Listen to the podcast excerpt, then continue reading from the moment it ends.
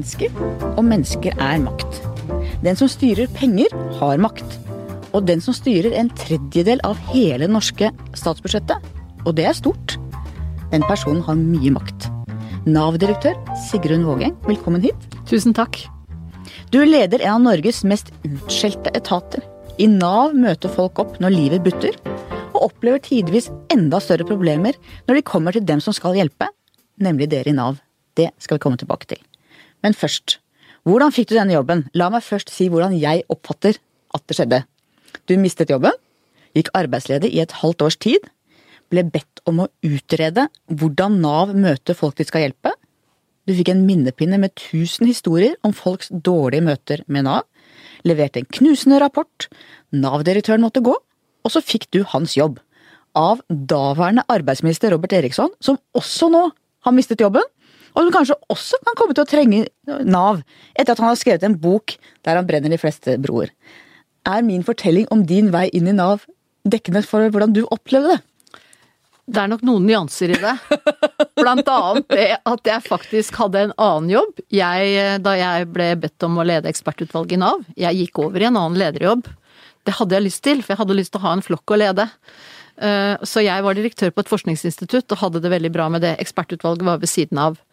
Da jeg var eh, ferdig med, med min, eh, min, rapport, så kan jeg jo bare, for at du ikke skal tro at dette var noe sånn machiavellisk planlagt, så kan jeg referere til en samtale jeg hadde med min mann da vi snakket om ekspertutvalget. For han lurte på hva jeg nå skulle. Og jeg sa jo jeg skal se på, på Nav fra brukernes ståsted. Uh, ja, hva og så da, sa min mann Trond. Ja, sa jeg, så leverer jeg på rapporten, og så er jeg ferdig med det. Så sa Trond, som eh, er en sindig advokat, jeg bare sier det til deg, du roter deg ikke inn i Nav. Så for de som tror at jeg liksom har lagt et langt planlagt løp, så kan jeg referere til den samtalen og si at eh, da dette kom opp som et aktuelt tema, så måtte jeg ta et lite familieråd. Og du lytter ikke på din manns karriereråd. Det vet vi også nå. Ja, etter jeg, jeg tror det, det, Hva kaller man det? En modningsprosess. For det var jo noe som, eh, som jeg så i den perioden hvor jeg jobbet med, med, Nav, og så på det fra brukernes side.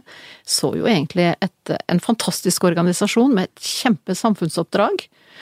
Og det var det som på en måte ble det som vippet over for meg. For det er jo mange grunner som, skulle, som, som talte for at jeg ikke skulle gjøre det. ikke sant? Er det verdiskapning det du driver med? Det handler jo stort sett om mennesker som ikke jobber. Ja, men hva er mer verdiskaping enn å få folk i jobb, da?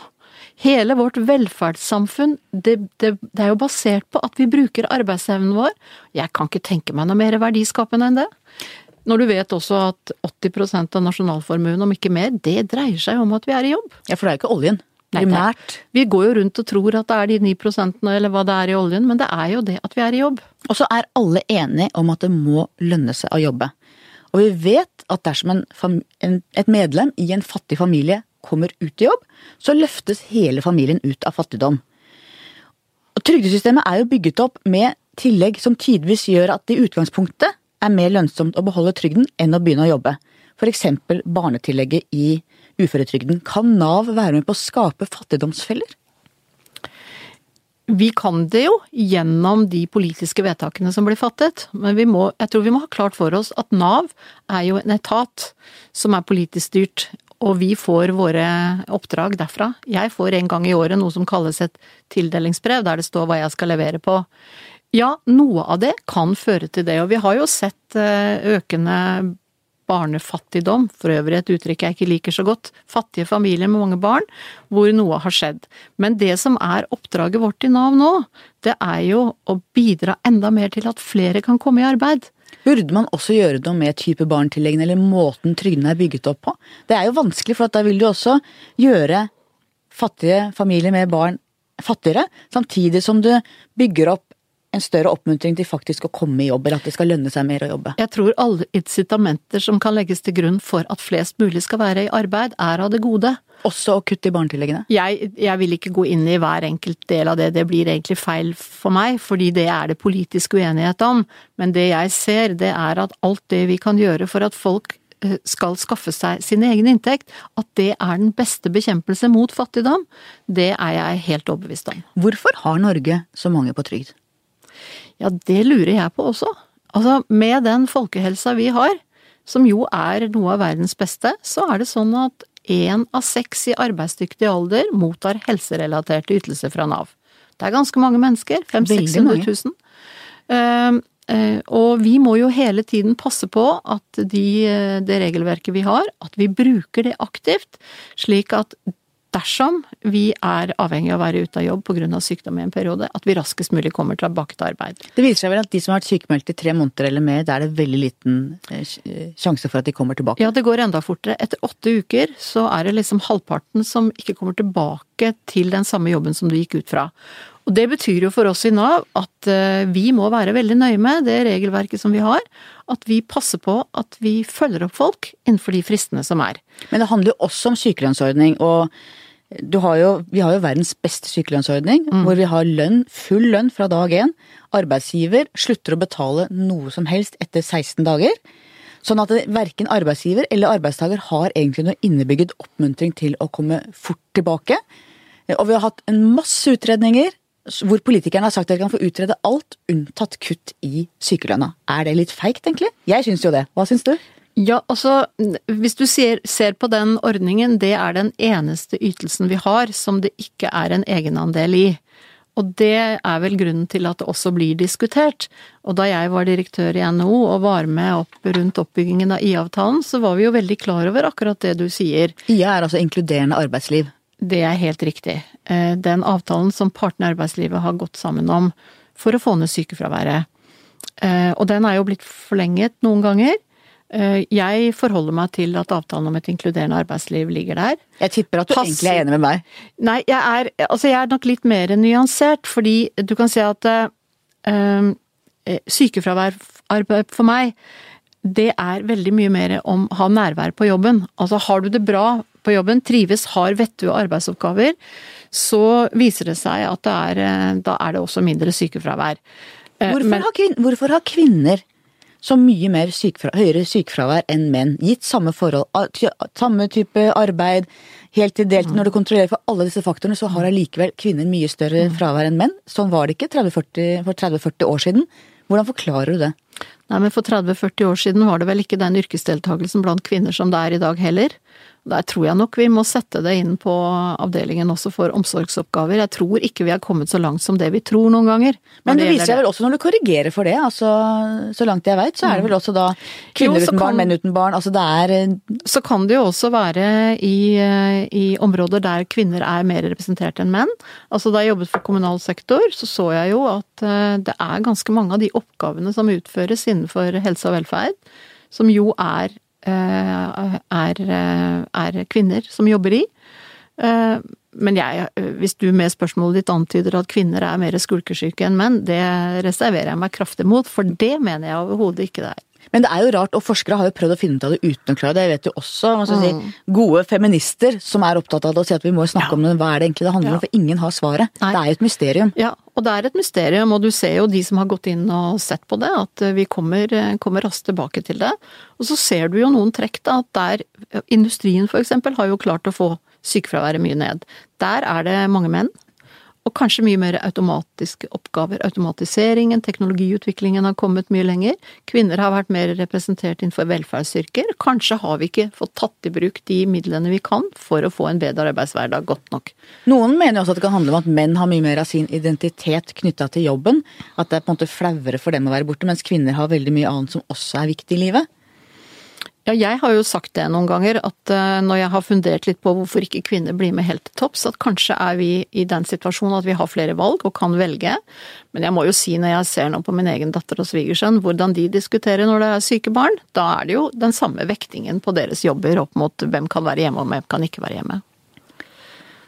Gutter, særlig fra arbeiderklassen, faller ut av videregående skole. Frafallet i videregående skole er en kjempe utfordring, og, øh, og i det hele tatt ungdom som faller ut. Nå har arbeidsministeren øh, vurdert å fjerne det som heter arbeidsavklaringspenger, altså en slags overgangsordning før du eventuelt kommer på uføretrygd, for unge under 30 år. Altså nesten 30 000 i denne gruppen mottar jo disse ytelsene. Mm. Er du enig med dem som ønsker å fjerne dem, eller gjøre noe med den ordningen? Arbeidsavklaringspengene kom jo fordi man skulle ha en periode og se om man kunne komme seg arbeid. Før gikk man direkte fra sykepenger over på uføretrygd. Og så er det det med, det med arbeidsavklaringspenger, at du må egentlig være syk for å få det. Du må være minimum 50% syk. Og så har vi ikke fått til de resultatene vi har fått på det, og jeg tror det er god grunn til å se, eh, se på det. Fordi vi, vi, ser at eh, de ungdommene som blir sittende uten rask oppfølging, de har også en tendens til å få akkurat det samme mønsteret som andre har fått. At passivitet det fører til at du blir stående utenfor. Og jeg syns det er god grunn til at eh, politikere og andre diskuterer det. Jeg ser eh, store arbeidsgiverorganisasjoner som NHO som sier at send de til oss i bedriftene. Jeg syns det er et flott initiativ, det skal vi i Nav følge opp veldig. For vi har ganske mange av disse ungdommene som kan komme seg inn i en arbeidssituasjon. Så tror jeg også vi må ta inn over oss at gruppen er sammensatt. Du har jo blant annet lekt med tanken på en aldersgrense eh, for folk i videregående opplæring. Hvordan ser du for deg det?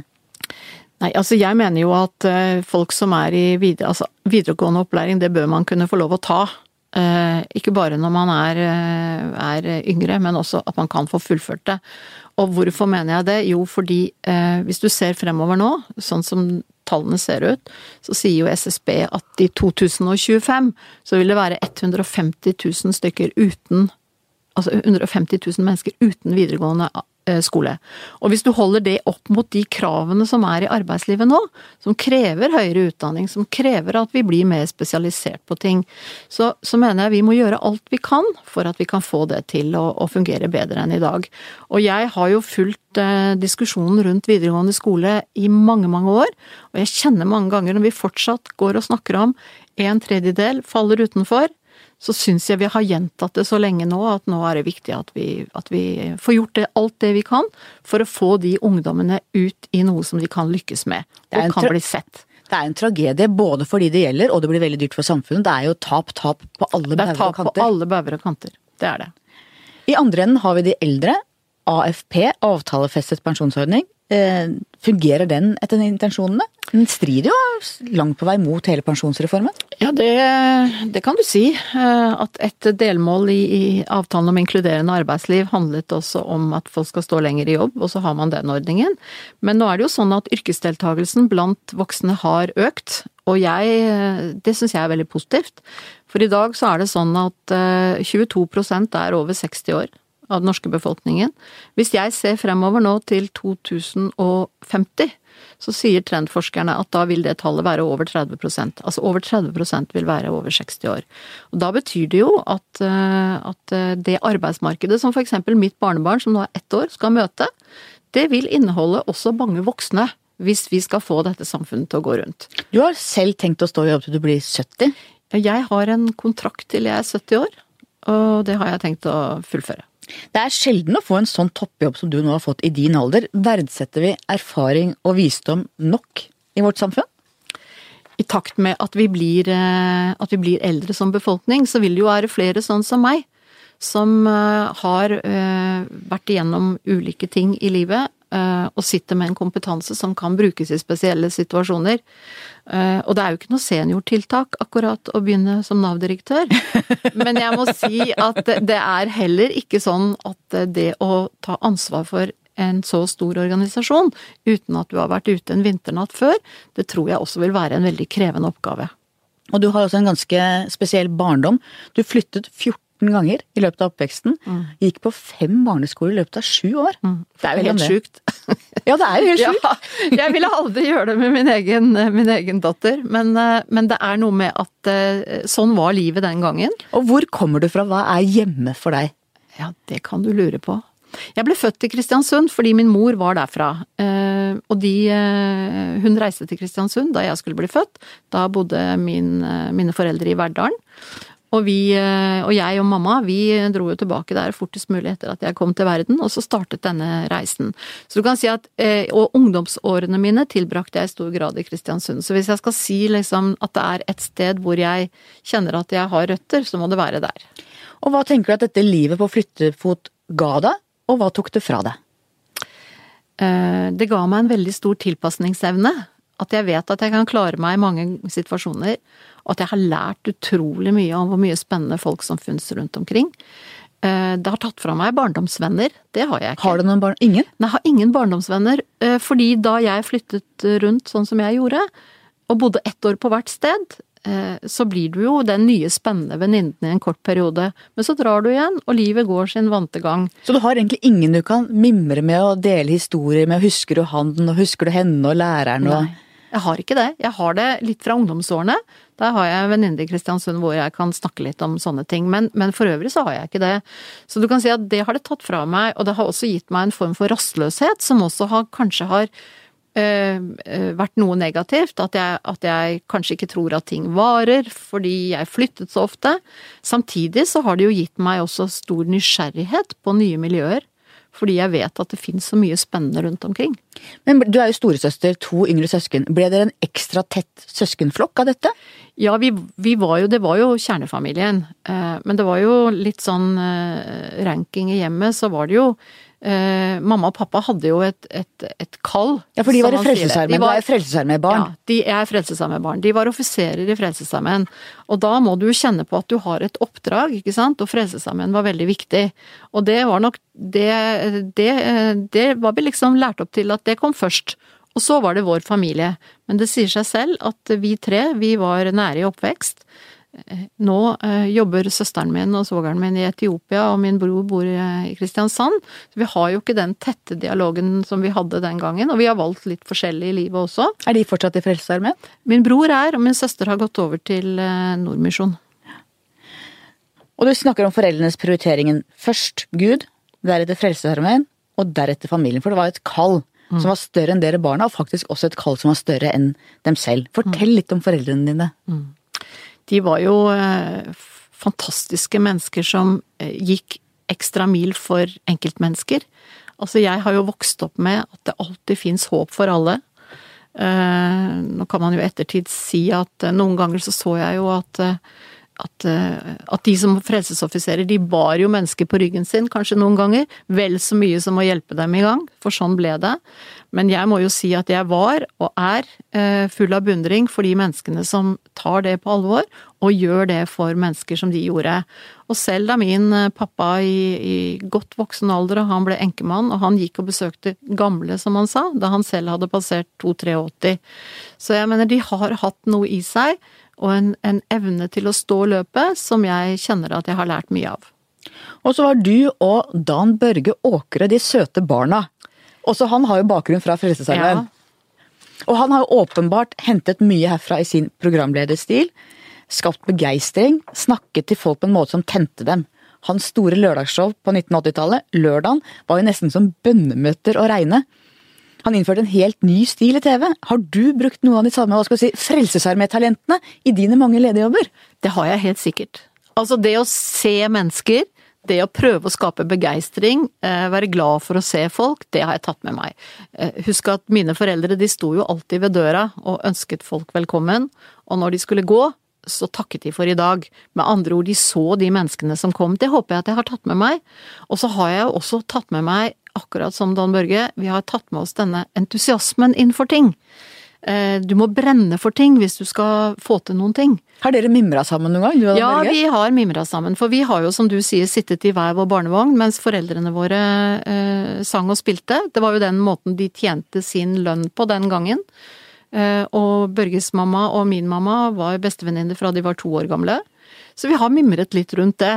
Om alle de gangene vi selv også da, i en periode, da vi begge to fortsatte i Frelsesarmeen noen år, vi også sto på gater og streder og sang. Så det har vi mimret om, ja. Og så brøt du med alt.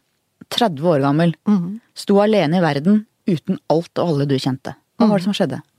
Nei, det var nok en gryende eh, tanke hos meg gjennom mange år om jeg eh, om, Altså når du har vokst opp i noen ting, så er det noe du kanskje sklir ganske fort inn i uten å ha tenkt gjennom om du har tatt dine reelle valg.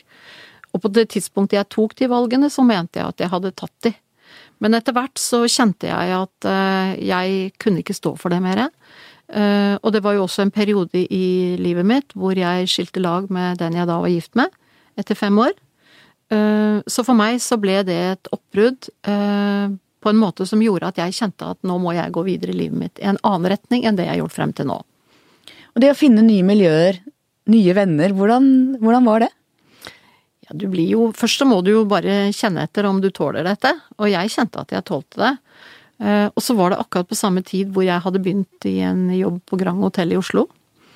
Og jeg fikk nye venner, nye kontakter. Eh, så det har gått helt greit. Du har sagt selv at du gikk fra å være streng til å bli mild i de årene på Grand. Ja, jeg, jeg har nok vært i oppvekst og alt det. Altså, jeg er jo litt strengt oppdratt, og det har nok også fulgt meg. Så i en periode så var jeg nok ganske streng. Husk på, jeg mente jo at jeg hadde funnet sannheten, og at mennesker skulle leve sånn som det jeg levde. Og så kommer jeg til Grand Hotel med mennesker fra hele verden. Eh, med ulik seksuell legning. Eh, noen likte å jobbe sånn som jeg likte, og noen jobbet eh, annerledes. Noen bodde som jeg bodde, og noen bodde annerledes. Og jeg fant ut etter hvert at alt var egentlig helt ålreit. Folk hadde det bra, trivdes. Og det gjorde at jeg, jeg Altså det jeg Jeg har noen ganger sagt at det jeg ikke lærte om mennesker på Grand Hotell, det er ikke verdt å vite.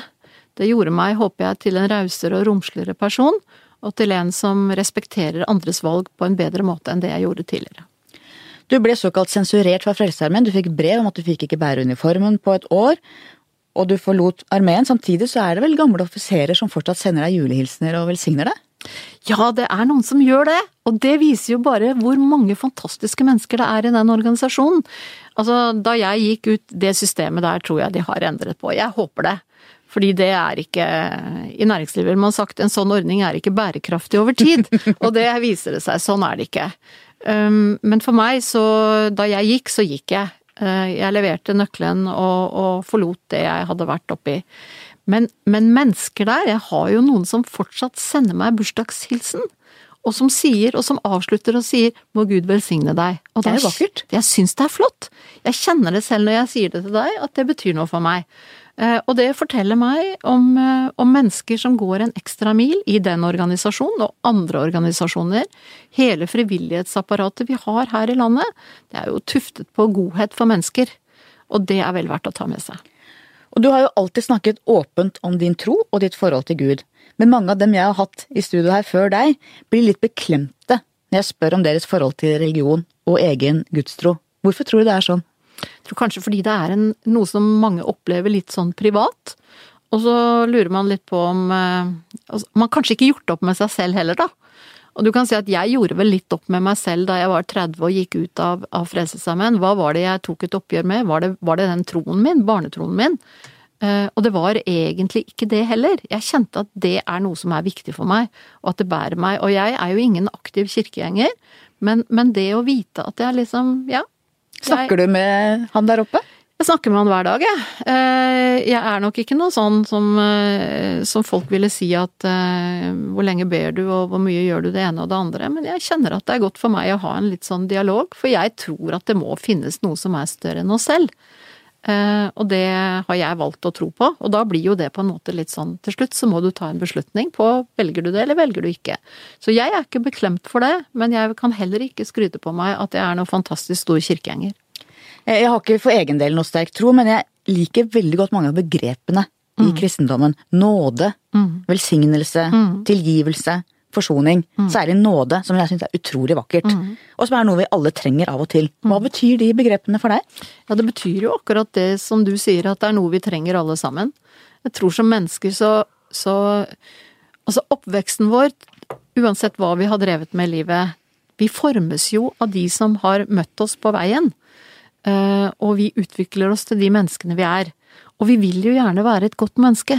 Altså, vi vil gjerne at folk skal oppfatte oss godt, og at vi skal bety noe for noen. Det tror jeg ligger grunnleggende hos alle, uansett tro. Og så er det noen ganger vi kjenner at det der får vi ikke til. Og da er jo særlig det nådebegrepet som du snakker om, det er jo, det er jo kjempefint. Det er kraftfullt. Ja, det er det. Du kjenner liksom jo, ja, jeg feiler, men det er håp. Hva tenker du om den kristne kulturarven og kristendommens plass i det norske samfunnet?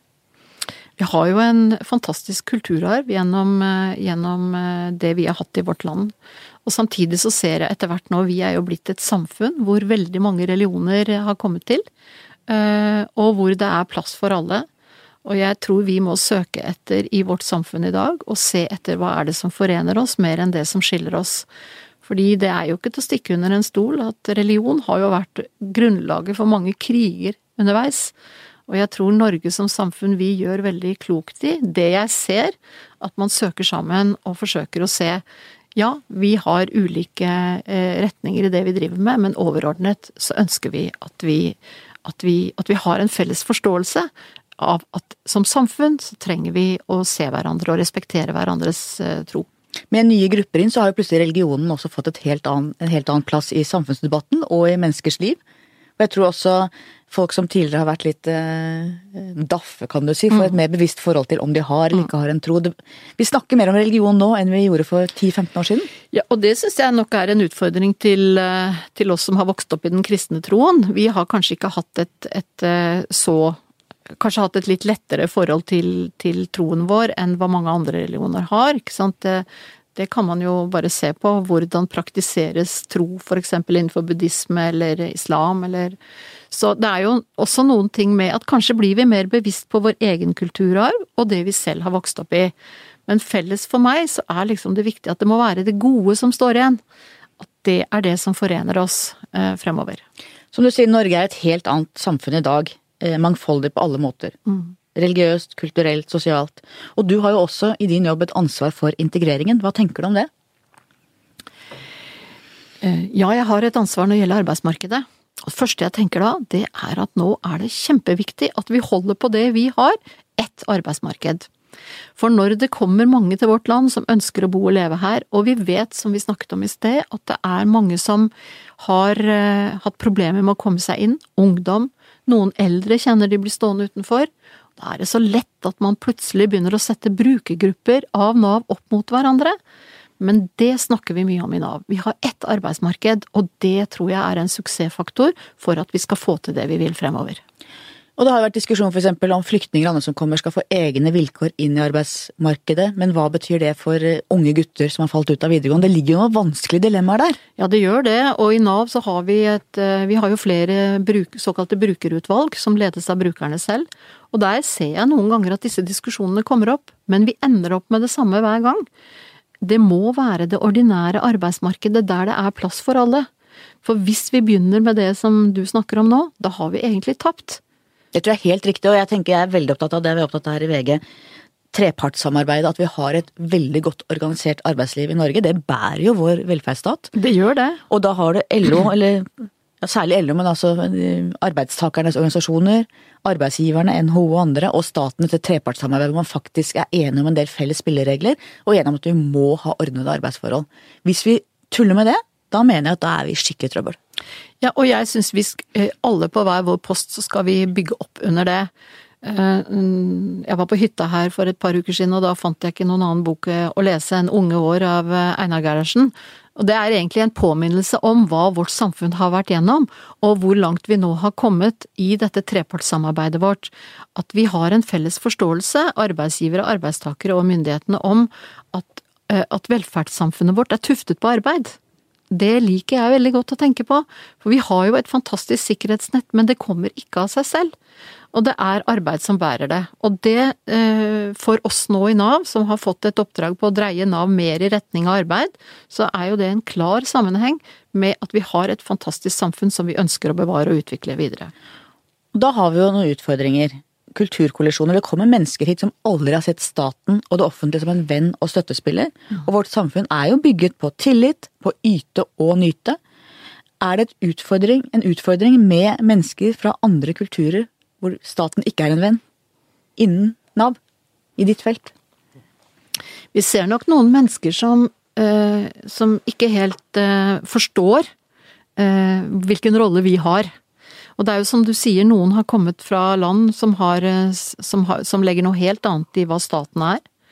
Eh, og andre har kanskje ikke helt forståelsen av hva er egentlig dette sikkerhetsnettet vårt? Hva er det tuftet på? Så vi bruker jo noe tid på det sammen med en del av, eh, av våre brukere. Men i det store og det hele så, så, er jo innretningene våre på ytelsene slik at de skal oppmuntre til arbeid. Så det er jo noe av det vi bare kontinuerlig må jobbe med. Og da har du liksom kontroll versus tillit. Det å ta mm. tak i problemer uten å stemple hele grupper. Hva tenker du om det? Jeg tror eh, for Nav, med 451 eh, milliarder kroner i omløp, så må det være stor grad av kontroll. Jeg tror ikke noen ville tro på det, at eh, vi ikke hadde den kontrollen. samtidig så er veldig mye av det vi driver med, det er jo også basert på egenopplysninger, på tillit. Eh, og hvis det brytes, og kontrollen kommer etterpå og sier at dette ble feil, så skjer det jo at vi får svindelsaker, og at vi kommer opp i situasjoner som kan oppleves ubehagelig for brukerne. For da kan dere være harde i klypa? Ja, noen ganger kan vi være harde i klypa, og det er jo fordi vi er satt til å forvalte fellesskapets midler. Så skal det jo også sies at noen ganger så gjør jo vi også feil. Altså, vi sitter der og håndterer eh, eh 440 000 eh, behandling av saker i løpet av en måned. Det sier seg selv at av og til så kan noe gjøres feil fra vår side òg. Da må vi rette opp i det. Men jeg tror hele vårt velferdssamfunn er jo i bunn og grunn, til tross for alle kontrollorganer og alt, det er jo bygget på tillit. Har en eh, venninne som eh, har vært i Nav-systemet lenge på ulike vis. Jeg spurte henne i går, jeg sa at du skulle komme hit, og spurte ja. hva ville du spurt henne om. Ja. Og hun sa det er utfordring, hun bor på et lite sted i Norge utfordringen å få saksbehandlere som er kompetente og som møter brukerne. Du blir veldig tilfeldig ut fra hvem du møter i forhold til hva som er regelverk og mulig. Hun har opplevd ting som ikke har vært så ålreit. Og du hadde jo disse tusen historiene på minnepinnen din. Hvordan kan dere møte folk ordentlig, så de slipper disse um, tunge opplevelsene? Da jeg begynte i Nav, så sa jeg at uh, nå er det tre overskrifter over arbeidet vårt. Det ene er å dreie retning av arbeid. Og vi er veldig godt i gang, vi oppnår gode resultater. Vi må få bedre møte med brukerne. Og det betyr jo at vi må gå inn og se på vår egen kompetanse, som da er den tredje tingen. Er vi flinke nok til å møte brukerne i den situasjonen de står i? Du vet, i dag med, de, med, den digitaliseringen som skjer eh, også i vår etat, så er vi jo nå i retning av å få veldig mange fulldigitaliserte tjenester. Vi må klare å møte mennesker som har behov for den tjenesten på en god måte. Men i andre enden av det, så har vi jo de som trenger møte med deg som enkeltmenneske. Og jeg tror at det å si at vi alltid at vi er gode nok, det, det, det kan jeg ikke si. Men jeg vil si vi er på god vei. Eh, og vi må legge til rette for at de brukermøtene vi skal ha, at de er godt planlagt, og at vi kan få hjulpet i hver enkelt situasjon. Men det sier seg selv, med 127 eh, millioner kontaktpunkt i løpet av et år, så er det noen som ikke går så bra som det vi skulle ønske. Og så tenker jeg også at de som sitter i skranken jo også har en utrolig tøff jobb, for der mm. kommer jo folk i de vanskeligste, vanskeligste situasjonene i livet sitt. Og er frustrerte, og det er kanskje det stedet de kan ta ut frustrasjonene sine på? Har dere mye debrifing og mye intern støtte til de som opplever dette som vanskelig? Ja, vi har jo hatt full gjennomgang av alt det du snakker om, for vi hadde jo dessverre for noen år siden en, en sak som endte opp i en, en, ulykkelig utgang med noen som ble drept på jobb, og det er jo noe av det verste du kan tenke deg. Eh, og i enhver stor organisasjon så går man jo gjennom de risikofaktorene man ser for kommende år. Er det noe som alltid står i rødt hos oss, så er det jo akkurat det du snakker om her. Og samtidig så har vi lagt til rette for på arbeidsplassene nå at dette er jo ikke bare den ene skranken som du snakker om, men at vi kan møte menneskene på en sånn måte at både den som blir møtt og den som møter dem, kan kjenne trygghet i situasjonen. Var Nav-reformen riktig? Ville vi gjort det på samme måte i dag? Jeg tror vi skal huske på at den gangen Nav-reformen ble, eh, ble, sjøsatt, så var det jo fordi det var en del ting som ikke fungerte. Forklar kort hva den gikk ut på. Den gikk jo ut på at gamle arbeidskontoret av etat, Rikstrygdeverket og de sosiale tjenestene, de skulle kobles sammen. Fordi man så at veien Kom du først inn på trygd, så var det rett ut. Eh, og så var det de sosiale tjenestene i kommunene som var der. Så ønsket var jo at man skulle på en måte få denne såkalte én dør inn. Og så skulle man mer eh, oppmuntre til at folk kom seg i arbeid på den veien. Jeg vil si etter ti år nå, så ser jeg ingen vei tilbake sånn som det er. Jeg tror ikke vi skal bare tro at allting var bedre før. Vi ser økt overgang til arbeid, og vi ser at mennesker klarer seg bedre. Og så er det stort, det anerkjenner jeg veldig. Og jeg forstår de politikerne som også av og til eh, snakker om er det for stort. Men jeg tror det vi må se på nå, oppnår vi de resultatene vi skal? Og klarer vi som etat og direktorat å drive på en god og effektiv måte sånn som politikerne vil vi skal? Teknologisering, digitalisering, det har vi også på arbeidsmarkedet, hvor vi kan se for oss eh, roboter tekniske løsninger, særlig kanskje på de mer ufaglærte arbeidsplassene, type varehandel, at vi skanner varene våre, eh, etter hvert sjåførløse biler og busser. Eh, får vi en ny underklasse av mennesker som ikke har de kvalifikasjonene de trenger til det nye arbeidsmarkedet, og som mister de jobbene som fins for dem. Vi kan stå i fare for det hvis vi ikke sørger for det vi snakket om i sted, at folk får utdanning. Altså, eh, vi må passe på at vi nå begynner i den riktige enden. For det er jo som du sier, om, et, eh, om ikke altfor langt frem i tid, så vil en tredjedel av de jobbene vi kjenner i dag, de vil være borte. Og hvordan skal du da komme deg inn med for lite kompetanse? Igjen tilbake til dette ene arbeidsmarkedet, så må vi sørge for at de oppgavene som nå nedlegges, at vi kan rekvalifisere folk at folk selv tenker gjennom at det er ikke bare én ting jeg skal gjøre i livet, og at vi tar ett arbeidsmarked på alvor. Det betyr at vi også må være mer mobile. Skifte jobb, kanskje flytte? Skifte jobb, flytte, eh, røre på oss, skifte bransje. Kanskje gjøre noe helt annet enn det vi hadde tenkt før. Og, og, og det har vært viktig før, og det blir enda viktigere fremover. Og det som, det som jo vi ser, det er at det går så fort, ikke sant? Og samtidig så tror jeg ikke vi skal eh, undervurdere at dette gir jo også muligheten for at det kan skapes nye jobber, nye yrker. Altså det er jo navn på jobber i dag som da du og jeg gikk på videregående skole, i hvert fall da jeg gikk. Eh, altså de yrkene fantes jo ikke, ikke sant. Vi visste ikke hva det var. Eh, så, sånn kommer det til å være fremover òg, men i grunn for alt som ligger fremover nå, så ligger utdanning. Og det er viktig at vi husker på når vi snakker om arbeid. Men da har vi også debatten om mastersyke versus fagbrev og yrkesfaglig utdanning hvor folk ikke får lærlingeplasser. Hva tenker mm. du, er det for mange mastergrader, for få fagbrev, trenger vi alt? Det er i hvert fall for få med fagbrev, for igjen på fremskrivninger så sies det jo at i det året hvor vi ikke har altså hvis 150 000 ikke har fullført videregående skole, så sier man også at vi forventer at 170 000 faglærte jobber vil stå uten, eh, uten tilgang på søkere. Så det handler om å koble de to? Så sånn sett så kan du si at vi må bli flinkere til å koble. Så ser vi jo også nå når folk blir ledige, altså veldig mange er jo blitt ledige de par siste årene som aldri hadde tenkt at de skulle miste jobben. Ingeniører, oljebransjen. Ikke sant. Eh, og, og hvis du ser et fylke som Rogaland som har endret seg så veldig eh, som det har, eh, så ser vi jo at de som har høy utdanning, de skaffer seg raskere enn en annen type jobb. Så utdanning hjelper også når du skal skifte jobb. Du tok selv en mastergrad ved Norges handelshøyskole i strategisk ledelse i 2001. Det var samme året som jeg gikk tilbake og fullførte jussen. Det var 50 år, livslang læring.